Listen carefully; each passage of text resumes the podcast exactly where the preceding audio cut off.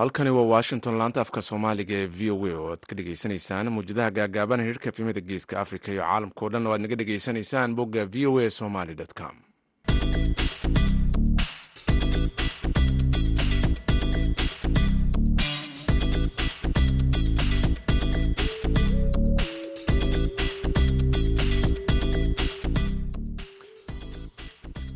duur wanaagsan dhegeystayaal jimco wanaagsan meel kastoo aad joogtaan saacadda afrikada bari waxay tilmaamaysaa kooda iyo barka duhurnimo.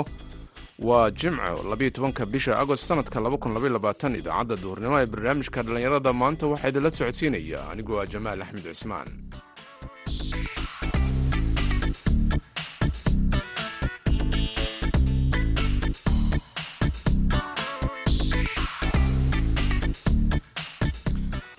qodobada aad idaacaddaas aan idinkugu hayno waxaa ka mid ah barnaamijka sooyaalka dhaqanka oo aanu ku eegi doono hees dhaqameedyada carruurta iyo kaalinta ay ku leeyihiin dhaqanka soomaalida. Markaad weynaato heedhe tacliinta dhammaysid heedhe aabbiya hooyana heedhe xaskii geyso heedhe waxaad sidoo kale maqli doontaan ciyaarihii iyo heesaha inta barnaamijka uu socdo intaas oo idil waxaa ka horeynaya dhegaystayaal warkii dunida ee ku soo dhowaada.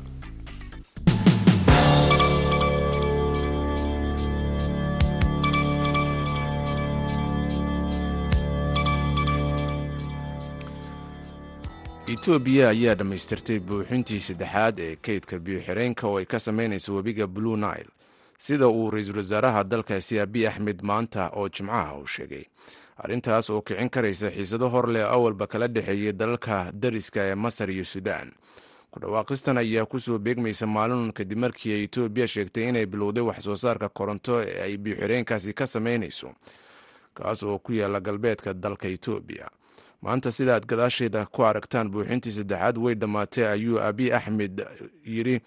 Sawiro laga soo qaaday goobta biyo-xireenka laga sameeyey oo uu baahiyey telefishinka dowladda marka la barbar dhigo sannadkii hore waxaanu gaarnay lix boqol oo mitir oo shan labaatan mitir ka saraysa buuxintii hore ayuu yidhi ra'iisul wasaare abiy axmed biyo-xireenka oo la sheegay inay ku kacday afar dhibic laba bilyan oo doolarka mareykanka ayaa noqonaya kii ugu weynaa ee loo adeegsanayo ka dhalinta korontada afrika waxaana uu xudun u ahaa muran gobolka ka dilaacay tan iyo markii etoobiya bilowday mashruucan sannadkii waaxda cadaaladda mareykanka ayaa ka codsatay maxkamad federaal ahi khamiistii shalay inay shaaca ka qaado waarankii loo isticmaalay in lagu baaro. Hoyga madaxweynihii hore ee mareykanka donald trump ee ku yaalla florida iyadoo la xiriirta baaritaan ku saabsan sida uu trump u maareeyey diiwaanada aqalka cad. Xeer ilaaliyaha guud ee mareykanka mary garland ayaa ku dhawaaqay codsigaasi isagoo sheegay inuu shakhsi ahaan uu fasaxay go'aankaasi lagu raadinayo baaritaanada la xiriirta baaritaanka socda ee ku saabsan sida uu trump u maareeyey diiwaanada aqalka cad. Markii ugu horreysay ee si rasmi ahi uu uga hadlo baaritaanka muranka dhaliya f b i du ay ku samaysay xarunta maralago ee gobolka florida isniintii ayuu garland waxa uu sheegay in go'aanka lagu shaacinayo warqadda baaritaanka iyo sidoo kale rasiid la siiyo wakiilada trump ay timid kadib markii trump uu si cad u shaaciyey baaritaanadaasi. Waxdu waxay go'aansatay buu yidhi in ay gudbiso mooshin si ay dadweynaha ugu soo bandhigto waaranka iyo rasiidka iyadoo la tixraacayo caddaynta dadweynaha. Ee madaxweynihii hore ee mareykanka ee baaritaanka duruufaha ku xeeran iyo danaha muhiimkaahi ee dadweynaha arrintani ayuu yidhi garland oo hadal kooban siiyey telefishinada waddankan mareykanka. Warkii dunida dhegeystayaal waa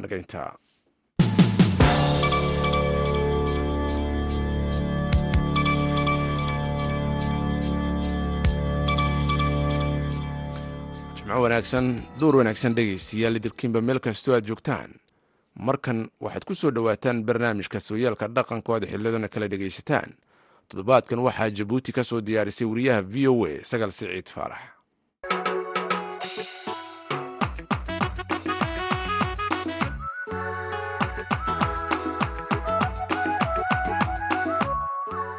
wanaagsan dhegaystayaal dhammaantiinba ku soo dhawaada waa mar kale iyo barnaamijkeenii sooyaalka dhaqanka oo toddobaadkan idinkaga imanaya jabuuti anigoo ah sagal siciid faarax ayaana barnaamijka idiin daadahayn doonta toddobaadkan barnaamijkeena sooyaalka dhaqanka waxaynu kaga hadlaynaa heesa dhaqameedka soomaalida ee carruurta yaryar ay gaarka u leeyihiin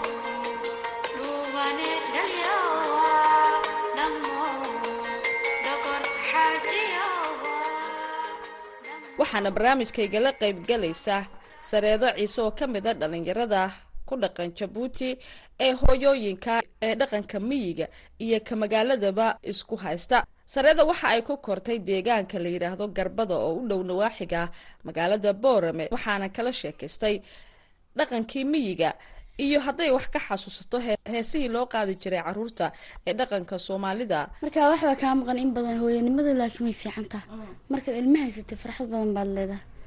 Markaad ilma haysana faqri baa udhexeeya dee. Adigu salbateernimadii salbateernimadii iyo iyo hooyada. Hooyanimaday kala duwan. tahay gabar markaad salbateer tahay ood gabadh dhalinyara madax bannaan tahay iyo markaad guri leedahay gabar. Marka guriga laha fiican markaad guriga leedahay farxad baa haysataa ilmihii kula jooga waqti kasta waa iska faraxsan tahay. Oo sida kale xataa waxaa lagu oranayaa dee xaaskii hebel marti baa ku imanaysa marti mudanaa leda cudur baa leedahay martee mudanaa imanaya. Marka laga odhan xaaska heblaaya maanta booqanay heblaaysan way tahay way fiican tahay. Marka hadee ka waran een, dhaqankeeni hore een, haddaad xaafadiini haddaad tusaale kaaga soo qaato soo dhaweynta dadka si loo soo dhaweyn jiro sooriyeynta dadka oo kale sida dadka loo soo dhaweyn jiro kale.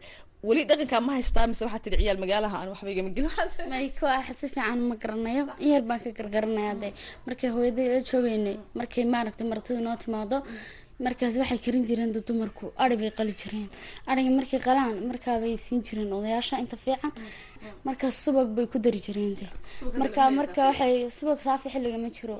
Marka waxay siin jireen xeedho wax la dhaa jirayse xeedhada way gu ridayeen in awoogay wuxuu qori jiray fadhaalada fadhaalka ku ridi jireen. Marka fadhaalkay ku cuni jireen de odayaasha awowgaa fanalada qori jiray? Waa soo gaar waa aragtay? Soo gaadhay awowgey waxaa oday aada u fiican. Oo aniga aabahay wuxuu dhintay anoo yar. Kuma garaadaysan. Marka booskii aabahay waxaa galay adeerkay awowgey awowgey marka geela la qala maaragtay saamta laga saaro. Uu qaadi jiray inamada kaba uga toli jiray anigana kabu iga toli jiray.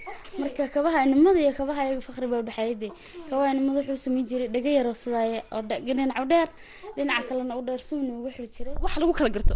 Haa wax lagu kala garto. Hablahana sidaa wuxuu u sameyn jiray labo laba xadhig laba yaro xadhiga qurux badan ayuu u tali jiray. Marka anaga waxaan hayn laba rag iyo laba hablood. Markaa xaafadeena waxaa soo kariyay adeerkay aabahayna adeerkii iyo awogey baana soo karshay. Markaas dee geela la qalo marka waxay sameyn jireen geela marka la qalo kuriska ayuuna siin jiray. Caanana waxaad u yara qurux badan tahay jacjactaba kuriska kugu jira. Kuriska. Iga jira. Kuriskana siin jira marka caanuhu noo salisi jiray. Marka hooyaday naga maqan tahay macooyadii baana siihan jirtay. Marka wax noogu heesi jirtay de heesta hooyadii ciyaalka ugu heesto. Iyo macooya noogu heesi jirtay. Marka heesahan hadda ilmaha ugu haysto waa heese macooyaa ka soo baratay haa macooyan ka soo bartay. Marka qaadi jiray awowa marka awowa naga maqanya macooyana siihan jirtay marka hooyadii xeerada loo yimaado de martidu timaado marka subaxdii marka ariga la soo maalo waxay ku ridi jirtay caana waxay ku jubi jirtay dheri iyo ku waxaan jirtay. Markay dhanaanaana waxay ku luulaysa kordhe. Caanaha si u yar dhanaadaan baa dhari lagu waa lagu huurinaya? Soo yarbaxay haa way way- way soo karayeen daadu marka kordha ku waxaan jirtay. Kordhaha markay lusho subag bay ka jirtay. Subaga ay samayn jirtay geedka dhigrida la dhaha maaragta iyo ku samayn jirtay iyo in yaroo bahalka geed arariya iyo ku samayn jirtay haa marka subaga ay damartidu noo timaado. Xeerada way guridi jirtay cuntaday siin jirtay. Marka waxaa kaloo dhaqan ka mid a dumarku markii ayaga cuntada hore ma cuni jirin. Waxay cuni jireen marka raggu waxay soo reebaan. Haa ragga markay hambada soo reebaan ayay cuni jireen. Markaan waan ka xishoon jiray hooyaday. Markay dumarka kale u maadin baa odhan jiray hooyo. Dumarkaas waxay cunaa cuntada hambada odaygeyga aa la sheekeysan waan ka odhan jiray. Ana marka waxaan u haystay inay foolxun tahay dee caybaad moodaysa in wixii ninku soo reebay uu cunaya. Aba ma haysan ma. Marka adeeradayna kuwa kale rag bay iska ahayn dee maad hadda ka hor adigu odagaaga ma la sugtaa ma hambada cuntaa mise isku xili baa cunta hadda isku xili baa la cunaa yaa u joojiiba. May waxaan cunaa. Ana ma sii cun cuntada dee marka odaygeyga yimaado waan isla qadaynaa weli dhaqankii baad ka dambaysaa maasha dhaqanka ka dambeeya haa dhaqan dhaqankii hooyadaa yaa fiicnaa. Eh, maxaad kaloo ka haysataa dhaqankii hooyo? Dhaqankii hooya wallaahi heestaa man ka haystaa iyo sida martida loo soo dhaweyn lahaa imankasta maxaa waxyaaba hooyo guriga adi hooyada ay xaafadda ka samayn jirtay xaafadiini hadda adu aad samaysa ma jiraan. Waxaan makaanoo sameeyma jirto. Hooyo waxay sameynaysa anu ma gaarayo. Si fiican buu sameyn jirtay. Ilmahaagii magaalo ku noolyahay maxaad siisaa? Ama subag baad siisaa? Bari ma siisaa? Faracadii ma u karisaa wax dhaqankeeni ah maxaad siisaa? Dhaqankeeni walaa waxaan siiyaa bari wax kale ma siiyo. Barin baan siiya ugu dartaa. Haa bariga ma cuntada ugu daraa afkana ugu shubaan wax kale ma siiyo. Haddaa u soo noqon heestii heesaha yaryaraad kaageer markaad seexinaysaa markaad ammaanaysoo kale. Aad u samaysa maxaa ka mid inankayga waxaan ku ammaanaa in heestan dee markaad weynaato. Waxaan ku ammaanaa markaad weynaato heedhe tacliinta dhamaysid heedhe aabiya hooyana heedhe xashkii geyso heedhe bas intaasaan ku ammaantaa Eh, waxaa jira heese badan oo dhaqankeenaayo marka hore muusigba lahayn oo hooyooyinkeena iska qaadi jireen oo ku luuqeyn jireen. Dadba hadda fanaaniin ba hadda muusig uu sameeyo ku heesa. Laakiin dadka inta badan een, caadi afkooda ay ugu heesaan. Markii la seexinayo kale maxaa ku seexisaa ilmahaaga ma waxaan ku saxiya heestii hooyo intayna macuudii ka soo bartay.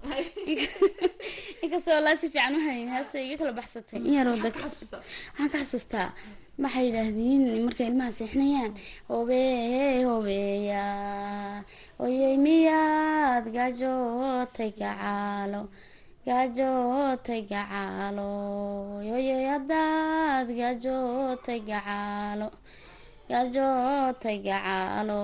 Yoyoyanba wan gaajoonayaaye gaajoonayaaye oyoyanba geeldhalay mamaalin geeldhalay mamaali oyoyanba wan golongolaaye waan macna waan gaajoonaya ka dhigan tahay hooyaa gaajoonaysa na hooyaa gaajoonaysa oyoy miyaad gaajootay gacaalo oyoy ma geeli baarooray geeli baarooray oyoy arooro imaani waaye imaani waaye oyoy ma geeli baarooray.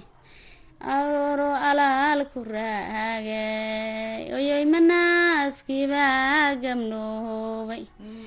Naaskibaa gamnooba oyoya naaskooyo gamsiiya. Gooyo gamsiiya. Oyoya geddheer ku laalay geddheer ku laala oyoy hobeya hobe hobeya hobe hobeya oyoydaya geesi dilo dagaalay oyoya daqarada ku jiiday daqarada ku jiiday oyoy ninkii dilay dayni maayo dilay dayni maayo oyoy dagaal ba naga dhexeeya oyoy naga dhexeeya oyoy tibiya mooyahaan u qaadan tibi may waa la dhacya marka haa waan dilaya hadda xaafadda dhexdeeda ma joogsan marka markii ilmaha yar sidaa looga heeso heestaa loo qaado museexanaya mise seexana u tibiya mooyaanu qaaday oyoy dudada reerkaanu joogsan.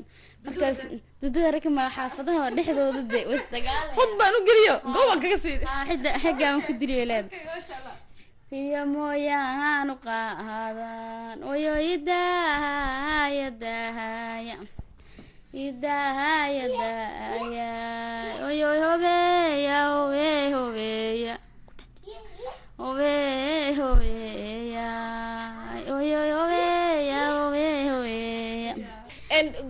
dhulkii gormaa kugu dambeysa wallaahi mar mar hore igu dambeysay. Labada kun iyo tobankii waa igu dambeysay. Xaafadaheeni hooyooyinka dhalinyarada adoo kale ah ee aan garanaynin heesii dhaqanka ama dhaqanka wax ka xasuusan maxaad tala siin lahayd? Waxaan tala siinaa inay heesaha bartaan dhaqanka. Ay ciyaalkooga u heesaan. Ay dee ciyaalka sida loo kariyo bartaan. Haddii uh, qofba qofbu ka soo gaaray lahaa iyo aan la ilaawin dee dee waxaan ku odhan lahaa wallaahi heesada heesta hooyada barta ciyaalka sida loo hayana barta. Dhaqanka ilaawina in waxaa jirta dadka dhaqanka ka tagta oo tiraahda waxaa anaga waxaa ma aha. Dhaqanka dhaqankii horuha. Dhaqan reebaadiyo haabay ku odhanaya waa la isku caayinayoba haa dhaqanba dhaqanba ka soo gaadhay dee. Dhulkaad ku kortay magaciisi meeshay kartaa meeshay ka ahayd dee soomaaliya qaybtay ka ahayd? Meeshan ku kore waxaa la dhahdaa mm, waxaa la dhaha waraabo dareeray iyo iyo garbada meesha la dhaha weyaan yaan ku koray.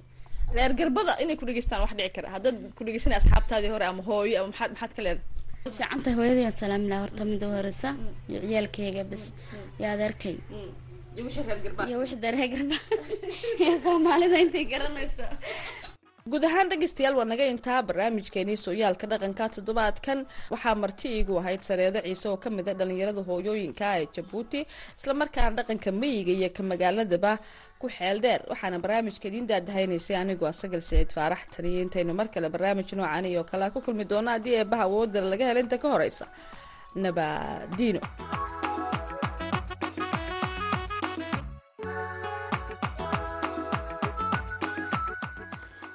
sagaal aad bay u mahadsan tahay dhegeystayaal weli waxaan ku guda jirnaa barnaamijka dhallinyarada. Maanta gordhow ciyaarihi ayaad maqli doontaan balse markan ku soo dhowaada barnaamijka umuuraha islaamka oo jimca subaxyadii iyo xiliyadan kale marka qaarkiiba aan idiin soo gudbinno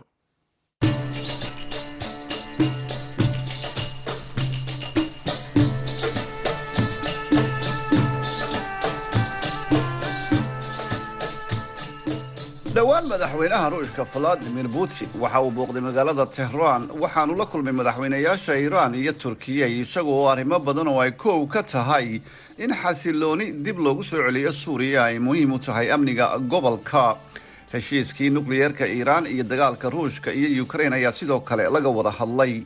Dhinaca kale saddexdan waddan waxa ay doonayaan inay tusaan reer galbeedka inay cudud kale oo go'aan gobolka ka qaadan kartaa jirto. Barnaamijkeena amuuraha islaamka haddii ilaahay raalli ka noqdo dhegaystayaal waxaynu ku eegaynaa muhiimadda ay leedahay kulanka saddexdan hogaamiye oo meelo badan oo kala duwan ku kala aragti duwan yihiin madaxda reer galbeedka. Putin waxa uu booqday iiraan waxyiruun kadib booqashadii madaxweyne baydhan ee bariga dhexe. Sidee ayay madaxda reer galbeedku u fasasheen booqashadii putin ee iiraan iyo kulanka saddexdaas hogaamiye ee iiraan turkiye iyo ruushka su'aashaasi ayaan weydiiyey injineer axmed warsame abtidoon oo ah gorofeeye degana magaalada shafil oo ku taalla waqooyiga dalka biritan waa mahadsantaha cabdixaafid. Runtii kulanka saddex geesoodka ahaa ee kal dhaweyta ka dhacay magaalada tehraan ma ahayn kulan ay soo dhoweeyeen guud ahaanba reer galbeedka. Kulan loo arkay caqabad iyo dhibaato horle inuu soo kordhinaya ayaa loo arkayaa khaasatan madaxweyne putin oo la doonaya in la go'doomiyo xag siyaasadeed iyo xag dhaqaalaba in laga go'doomiyo caalamka oo dhan la doonayey inuu gobolka asxaab ka helay oo uu dee banaanada u soo baxayo waddamo booqanaya arrin ay soo dhoweynayaan ma aha reer galbeedka. Dhanka kale waddanka iiraan laftiisa oo ah waddan la doonaya laftiisa in la go'doomiyo maadaama ay jirto dhibaatooyin gobolka uu ku hayo waa sida ay reer galbeedku aaminsan yihiin amniga gobolka uu caqabad weyn ku yahay iyo arrimihii nuclearka oo iyaguna aan meesha ka marnayn. Dhanka waddanka turkiga haddaan soo qaadano runtii erdogan door cajiiba ayuu meeshaan cayaarayaa iyada lafteeda inuu erdogan labadaa qoloba la shiraahe arrin ay soo dhoweynayaan maadaama turkiga uu waddamada nato ka mid yahay arrin la soo dhoweynayo maaha iyada lafteedu. Isku soo wadaduuba guud ahaan kulankaas waa kulan aan maaragtay reer galbeedka aada looga soo dhoweyn loona arko caqabad hor leh oo soo kordhay. Xeeldheerayaasha ka faallooda siyaasadda iiraan ayaa tilmaamay doorka ay iiraan ka qaadatay dhinaca istaraatiijiyadda iyo dagaalka reer galbeedka iyo ruushka ay muhiim u tahay amniga tamarta iyo siyaasadda dhaqaalaha moscow iyo ankaraba haddii aynu eegno dhinaca turkiyey inuu u dhow yahay iiraan iyo ruushka kaalin muhiim ah oo dhexdhexaad ahna uu ka qaatay dagaalka ukrein iyo ruushka ma la odhan karaa inay ku jirto danta ankara go'aanka uu qaatay madaxweyne erdogan? Waa kan mar kale injineer axmed. Waa sax cabdixaafidow in ay dan weyn ugu jirto turkiga marka laga eego xagga dhaqaalaha xagga siyaasadda iyo guud ahaanba turkiga oo runtii cudud siyaasadeed iyo cudud military intaba leh inuu maaragtay ka faa'iidaysto runtii caqabadaha ka taagan yurub iyo bariga dhexe labadaba. Turkiga waxaa runtii la dhihi karaa waa mida cunaqabataynta ruushka qayb kama aha oo wuu diidataa. Haddana dhinaca kalena ruushka xiriir fiican bay leeyihiin balse turkigu wuxuu aad u cambaareeyay duulaanka ruushka uu ukraine ku qaaday runtiina ukraine wuu hubeeya waddamada hubeeya oo tababarada u fidiya ayuu ka mid yahay turkigu. Laakiin dhinaca kale turkigu dan weyn baa ugaga jirta xagga iran lafteeda oo ah waa mida dhinaca dhaqaalaha waa mid kale dhinaca amniga oo maadaama iran iyo ruushkuba ay lug ku leeyihiin wadanka la yidhahda syria oo turkiga caqabad weyn ku ah khaasatan dhinaca waqooyiga syria oo ay degan yihiin kooxa uu turkigu yidhaahdo waa argagixiso kuwaasoo y b g iyo b k k loo yaqaano. Doonayana hadda inuu weerar ku qaado oo uu dhulkaas banneeyo uu sameeyo ilaa soddon kilomitr dhul ah oo u bannaan dibna loo dejin karo qaxootiga faraha badan ee reer syria ee waddanka turkiga ku jabay. Marka labada dhinacba dan weyn baa ugu jirta. Xeeldheerayaasha siyaasadda bariga dhexe ayaa sheegay in doorka iiraan ka qaadatay dagaalka ukraine inay muujinayso in aanay keli ku ahayn siyaasadda suuriya iskaashiga moscow iyo tehraan inuu iminka uun sii ballaadhay muhiimadiisu. Waxa kale oo muuqata muhiimadda ay leedahay in la helo awood isu dheeli tiran saaxiibo siyaabo kala duwan isugu xidhan in ay ammaanka gobolka muhiim u tahay intaasi ayaynu dhegaystayaal ku soo gabagabeynaynaa barnaamijkeennii amuuraha islaamka. Anigoo cabdixaafid cawil ismaaciil ayaa soo diyaariyay oo idinla socodsiinayay. Tan iyo inta aynu mar kale kulmayno haddii ilaahay raalli ka noqdo. Anigii asxaabta igala qayb qaadatayba waxaanu idin leenahay sidaas iyo jimca wanaagsan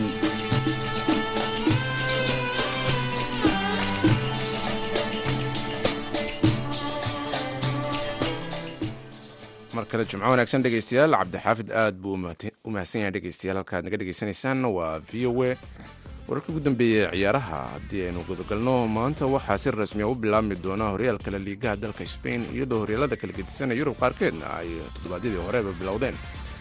Kulanka maanta lagu furi doono horyaalka oo sanadkan ay difaacanayso naadiga real madrid ayaa waxa uu yahay naadiga asusuna oo gegadeeda ku martigelin doonta naadiga sevilla sidoo kale bundesliga dalka jarmalka ayaa kulan maanta dhici doona. Verberg iyo dortmund ayaa wada ciyaari doona halka liigwanka faransiiskana. Nantes ay la dheli doonto naadiga liile isla horyaalkaasi. Hase yeeshee beri ayaa kulmo xiiso badan ay dhici doonaan horyaalka dalka ingiriiska oo kale oo isagu markaasi toddobaadkii hore bilowday ayaa waxa ay kooxuhu isku arki doonaan. Maalinta brita stonvilla ayaa gegadeeda ku martigelin doonta naadiga everton. Arsenal ayaa leicester city la ciyaari doonta brighton and hove albion waxay la dheli doontaa naadiga newcastle united. Man city waxay la ciyaari doontaa naadiga banamouth ladies ayaa u socdaali doonta naadiga southampton. Wolves iyo fulham ayaa sidoo kale wada ballansan. Halka brentford ay la dheli doonta naadiga manchester united oo kulankii ugu horreeyay guuldaro ku bilaabatay horyaalka laliga dalka sbain kulmo ayaa beri dhici doona. Saltavigo waxay la ciyaari doontaa naadiga spanyol real valladolid waxay la dheli doontaa naadiga belreal barcelona oo iyaduna horyaalka sanadkani u tartami doonta ayaa la ciyaaraysa naadiga rayo bayakano ziyaaryaada dalka talyaaniga ayaa isagu sidoo kale beritole bilaabmi doona. Milan waxay la dheli doontaa naadiga udinese zamdoria iyo atlana leje ayaa la dheli doontaa naadiga inter. Manza iyo torino ayaa wada ballansan oo dheeli doona. Sidoo kale horyaalka dalkaasi faransiiska naadiga monaco ayaa reni la ciyaari doonta halka b s g na ay la dheli doonta naadiga montpleer waxyaabaha ku soo kordhaya natiijooyinkana dhegaystayaal barnaamijyadeena dambe ee ciyaaraha ayaan idinkugu soo gudbin doonaa hadduu ilaahay yidhaahdo